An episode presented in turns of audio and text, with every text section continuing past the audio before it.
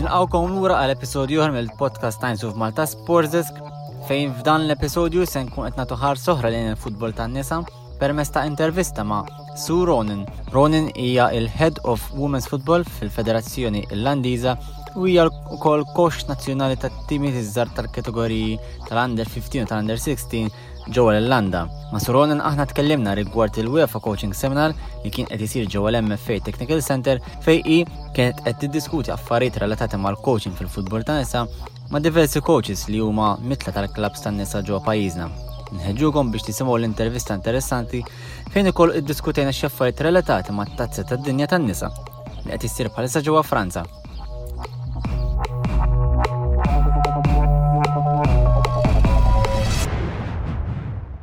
Sue Ronan, welcome to our show. I'm the Times of Malta Sports Desk. Um, we're here in Malta as the head of the women's football at the Irish FA for this FIFA coaching seminar, know, which is basically targeted for coaches uh, in the women's game.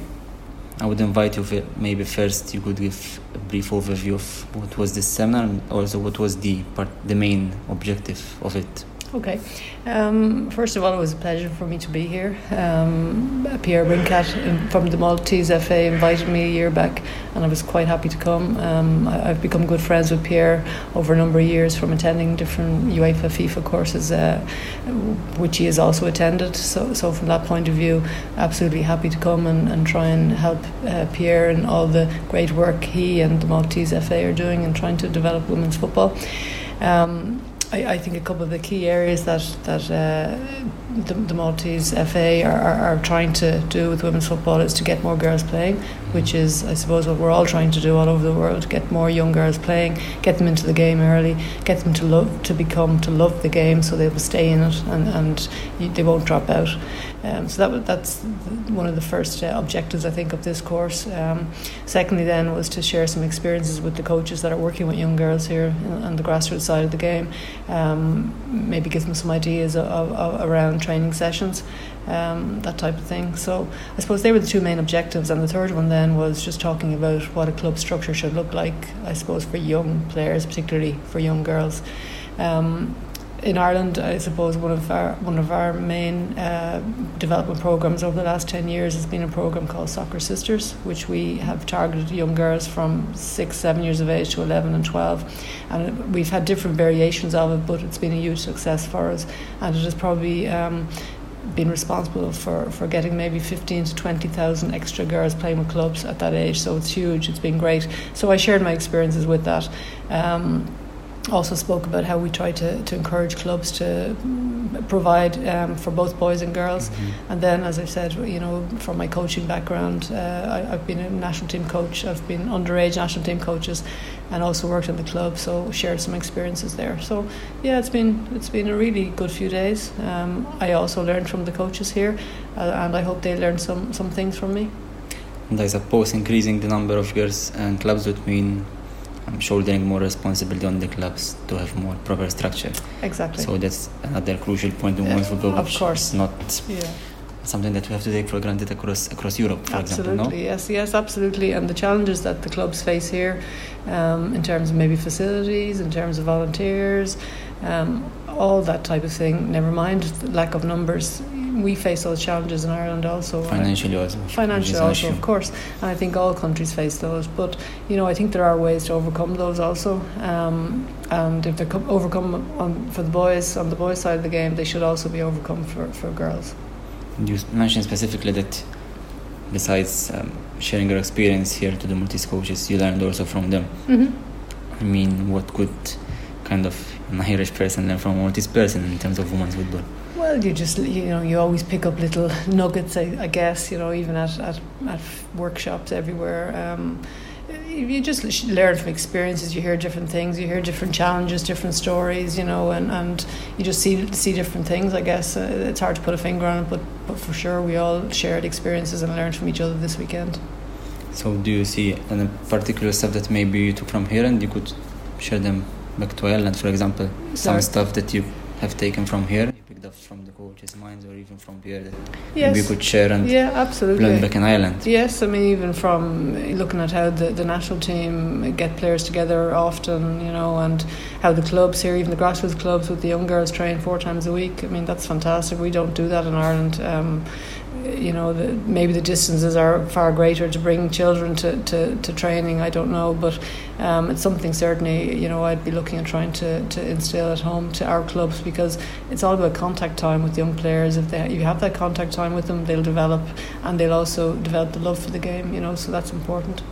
So maybe not maybe a regret, but maybe a regret is the word that I can uh, I can choose right now for Ireland, which is considerably big country, but maybe still maybe it's still like something in your opinion women's, in the women's game, maybe Yeah. more professionalism. Yes, I think every country um, lacks something, no matter how far advanced they are, and we don't have a professional league for, for girls in Ireland. Um, we don't really have a professional league for men either. It's semi-professional. So Yeah, it's probably the same as here. Um, so it is a bit difficult. Um, so yeah, our national league is quite young. It's probably about seven or eight years old. We've only introduced an under 17 national league. We have too many local leagues in Ireland. We've 35, 36 local leagues, and you know the strength of them then is not really good, really strong because there's too many of them. Of we would be better off if they came together and had one in regions and they're structured better for sustainability, for competition, for players. But I think that's a bigger challenge for us. That's the same in the boys' game also. But yeah, certainly there are areas that we need to improve on. But nonetheless, some islands still produce some individual good talents.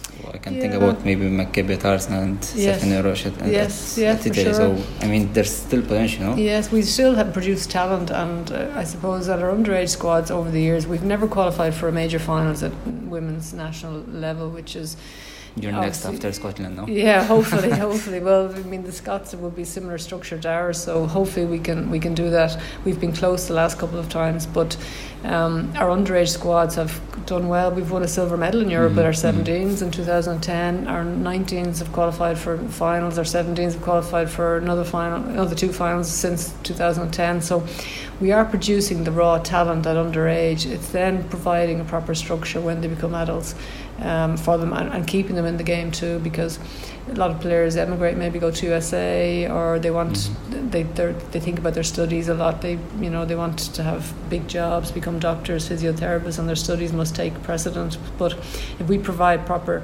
opportunities and structures for them in the professional game in, in a game that's more professional that maybe they can make a living from or, or you know some sort of a living it would encourage them to stay in it. And then when they're training every day I think you would have better chance of qualifying at, at senior level. At underage you know m- no most countries are not professional at underage anyway so Yes. it's really talent against talent but when you get to the higher level it's the structures um, what's available to the players the resources that help the bigger countries to move away from the rest I think In, in terms of coaching in the women's game, always do you see kind of an improvement over improvement across Europe, maybe? Mhm. Absolutely, yes, for sure. Um, I think there's even some big name coaches coming into women's football. You've Phil Neville in England. Um, it's it's well, you know, I I, I, like, I love to see females uh, coaching at the top level and having those opportunities. It's also good to see men who have been very successful in, in men's football coming across Mhm. because it's nearly like breaking a taboo. You know, showing that it's something worth being But- involved in. Speaking about that, would you see that maybe um, that they see women's football as a stepping stone for their coaching career? Should be like that, or Yeah, no, kind I, of? I, I think maybe that was the case in the past, but I don't think that's the case anymore because you see pe- um, men now coming from the men's game into the women's game. Um, I think when uh, you, you'll probably hear it from a lot of male coaches or who've been involved in men's football when they go into women's football and coaching uh, females, they just enjoy it so much more. You know, they feel the females are more eager to learn, maybe, or Mhm, easier yes. to coach. You know, obviously there's different challenges, but I think they usually find that it's really um, enjoyable and better maybe than they thought it was. You know, Indeed. but no, I think coaching in general is, is improved. There's there's a lot more qualified coaches. The, the levels now that you have to be at at national team level is a requirement, which maybe wasn't there ten years ago. So you know, I think there's a lot more knowledge there to be given to players. Is it easier for a man to coach in women's football or a woman to coach in the men's football? Maybe. is it easier from the point of view of the um, terms of- opportunities? Of opportunity rather Yeah, than no, uh, absolutely. other stuff. You know, I think that's a yeah. I think that's a big that's the next taboo really that has to be broken. I think you know there's no reason why a, a top female coach can't coach in the men's game. She's qualified enough. She she should be able to get those opportunities. But unfortunately, at the moment in most countries, she doesn't. She wouldn't be considered. You know, which is a shame. Having said that, sometimes females have to push themselves also and put themselves outside their comfort Mhm. zone and be willing to maybe go in, you know, where they might be criticised as coaches will be um, when they're working uh, at a certain level. But yeah, I think more opportunities need to be given to them.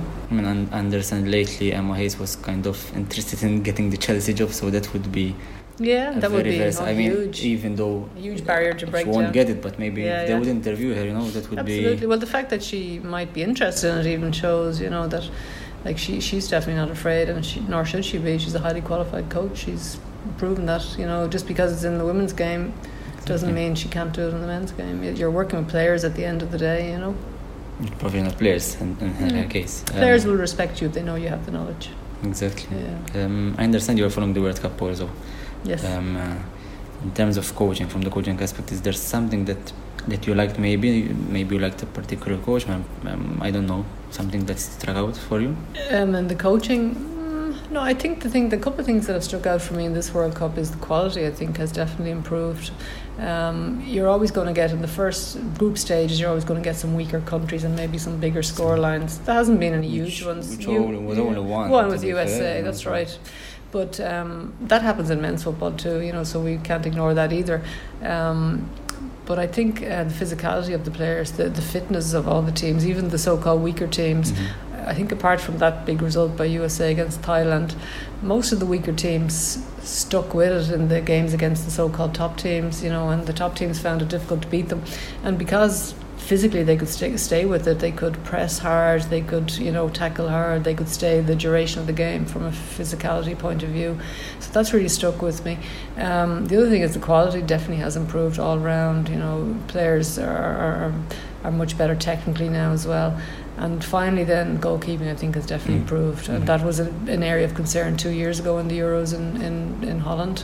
Um, it, it was it was part of the trends that were found that it was weaker, but it has definitely improved. I mean, there's been some some tremendous saves by, by some top goalkeepers. Still one or two maybe weak mistakes, but again, you get that in men's game. You can't be just critical of the one or two mistakes.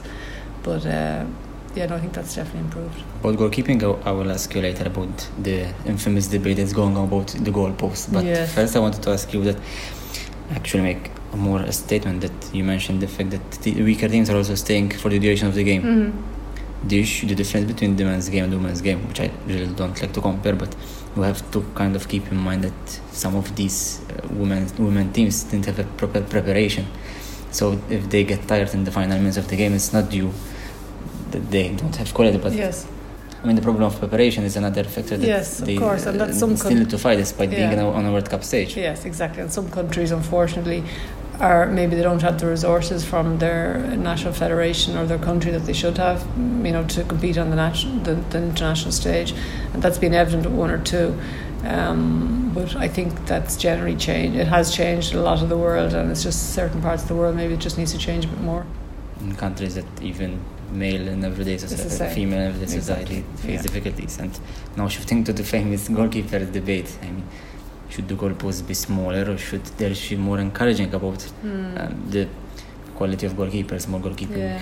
coaches, more intense Yeah. training, quality training? Know, because we've seen big saves till yeah. last weekend, Norway and Australia, some, some yeah, great saves. So Exactly, yeah. Um, I don't. I'm not really 100 percent sure where I sit on that one. To be honest with you, I was reading an interesting stat yesterday. Um, they were talking about this debate and what Emma Hayes has said, and they were they were saying that the, the st- statistic that I read said that the size of the goal was decided way back in the 1800s Mhm. when the aver- and it was it was based on the average height of males at the Mhm. time who mostly played football back then. I'm not sure any women did, and the average height of a man back then was five foot five apparently. So the goal was whatever size it is, and now the average height of a man, and certainly a male goalkeeper, is probably six foot two or three. Mm. Whereas with the woman, it's the tallest of them, maybe one or two are around five ten, or but the majority of them are probably five eight. You know, I look, I don't know really. I, I think apart from again the goalkeeper from Thai, Thailand, Thailand, who was very small. I mean, I don't think there's. Uh, I don't think there's been many goals have gone in at the top of the goal, you know, in the top mm-hmm. top corner, that a taller goalkeeper might have got. I think they were just really good goals that no goalkeeper was going to get, or there was a bend on them, or they mm, dipped, mm-hmm. you know. So, yeah, I'm not really sure on that one, to be honest with you. It's very difficult. Very difficult one. It's yeah, very area, difficult. It is a grey area, and you don't want to give people food for thought just to, you know, be saying. Because there was all the debate the about game. making smaller pitches to make yeah. the game no, more I fast. You know. Yeah, no, I, I, don't think you need to make the pitch any smaller. But i think we've seen enough quality to. Like pitches are smaller anyway. There's a dimension for the pitches. You know, it's between a certain size. It's uh, exactly. lengthwise and widthwise, and mm-hmm. you know yourself. Some pitches. Some teams, some clubs will have tighter pitches, others will exactly. have bigger ones. So there are the range of yeah, sizes. Exactly, so yeah, yeah, it's true, yeah. it's true, it's true. Yeah. And uh, in terms of quality of the players, we are now seeing more athletes rather than just players. So, yeah. Um, I, I feel there's still kind of room for improvement. improvement. I think in the next World Cups mm. we can see much I better players. So. Well, I think so. I think the men's game has improved as well over the last number of mm-hmm. uh, competitions um, like that. It's it's much more athletic now. You're, Sport science helps. Uh, of course, it does. And sometimes you have to be an athlete now first to be a footballer. Um, but you've definitely seen that in the women's game, that physicality, you know, changing. And I think again, you will. There's always room for for it to go further. I think. And uh, I think this World Cup is showing that it is Europe versus everybody. I mm-hmm, think, the, like mm-hmm. in the men's game, the spectrum yeah. of power is shifting yes, yeah. to Europe. Yeah, and it's you know it's a difficult one from being a national coach. There's what 53, 54 federations in Europe. Um, and this is the first World Cup where nine have come out of that, and, and eight plus the host France. But when I was qualified, say for the last one four years ago or the one before that, only five or something mm-hmm. or six came out of Europe. And then you look at maybe the Africa, and maybe three come out of Africa out of twelve or thirteen or something. something. And you know, it's so it just seems to be from a European point of view, we say that doesn't seem fair, but I suppose you have to have fairness all over the world as well. But at the moment, it's showing that the quality is in Europe, and apart from USA, Canada, Australia, Japan, Brazil, I suppose. Um, I think the majority of the, the better teams. I think Scotland are the only one of the Europeans that haven't qualified for the round of 16. Uh, mm, yes, I think so. I think so. Yeah, I, think, so, because yeah. even Italy surprised everybody. Yeah, exactly. I mean that is showing that Italy played really well. Yes, Spain are there, there thereabouts. Obviously, England, France, Norway last night came through on penalties. Yeah, Holland, the the current European champions. Yeah, so. I think it's showing that also kind of the leagues like the Australian and the USA, the which are on the top, are, yes, they're all uh, they are now stuck at a point that they need to catch up with the yeah, European exactly. league, even in terms of contracts. Yes. You know? Yeah, I see. Even yesterday, Real Madrid announced they're going to introduce mm-hmm. a women's yes. team. So all those strong, traditionally strong men's teams are now yes. waking up and smelling the roses. I guess and you could even say. big money getting yeah. into. I, I, I understand that Chelsea offered one million. Yeah, that's right. Yeah, to, yeah. to Sam Kerr. So yeah. it's another issue. Yeah, and then Man United came in this year with a team, and, and Tottenham as well. So. Yeah, and the Italian teams, and yeah, so it's yeah. I think it's really about getting that buy-in and getting the opportunities, and you know, I think the days of people saying, "Oh, there's nobody interested in women's football," are gone. It quite obviously there are people interested in women's football, and you even if people they say they're yeah, engaged with the game. So yeah, even like if it's before. only women interest, that's fine. There's, they're fifty percent of the population, you know. So or, or more. Or more, exactly. I think maybe fifty-two. So yeah, but no, I think things are good. And just to wrap up, um, obviously the World Cup has created a lot of hype about the women's game mm-hmm. everywhere mm-hmm. across the world. I have the concern, kind of my own concern, that uh, the hype will not continue and maybe we don't manage to exploit it, you know, even in terms of more support, more media yeah. promotion. I don't know if you would have the same impression or maybe in, what do you in need? Malta or just in general? In general, in general.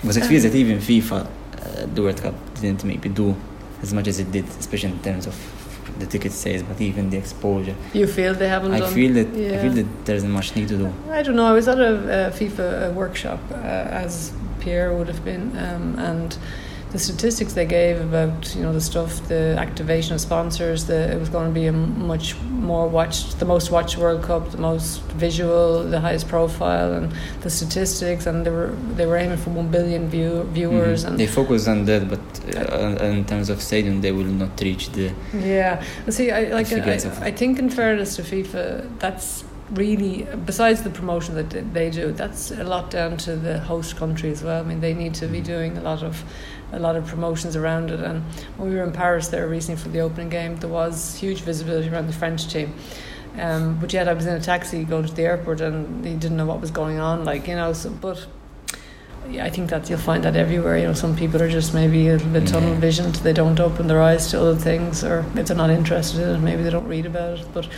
yeah, um, it's a pity that some of the stadiums haven't been full 'cause- because I think they've been we, they've been sold as full, but yet there's room. But I would imagine from now on, you definitely will. It'd be tough to see, or you'd be lucky to see a stadium that's not full.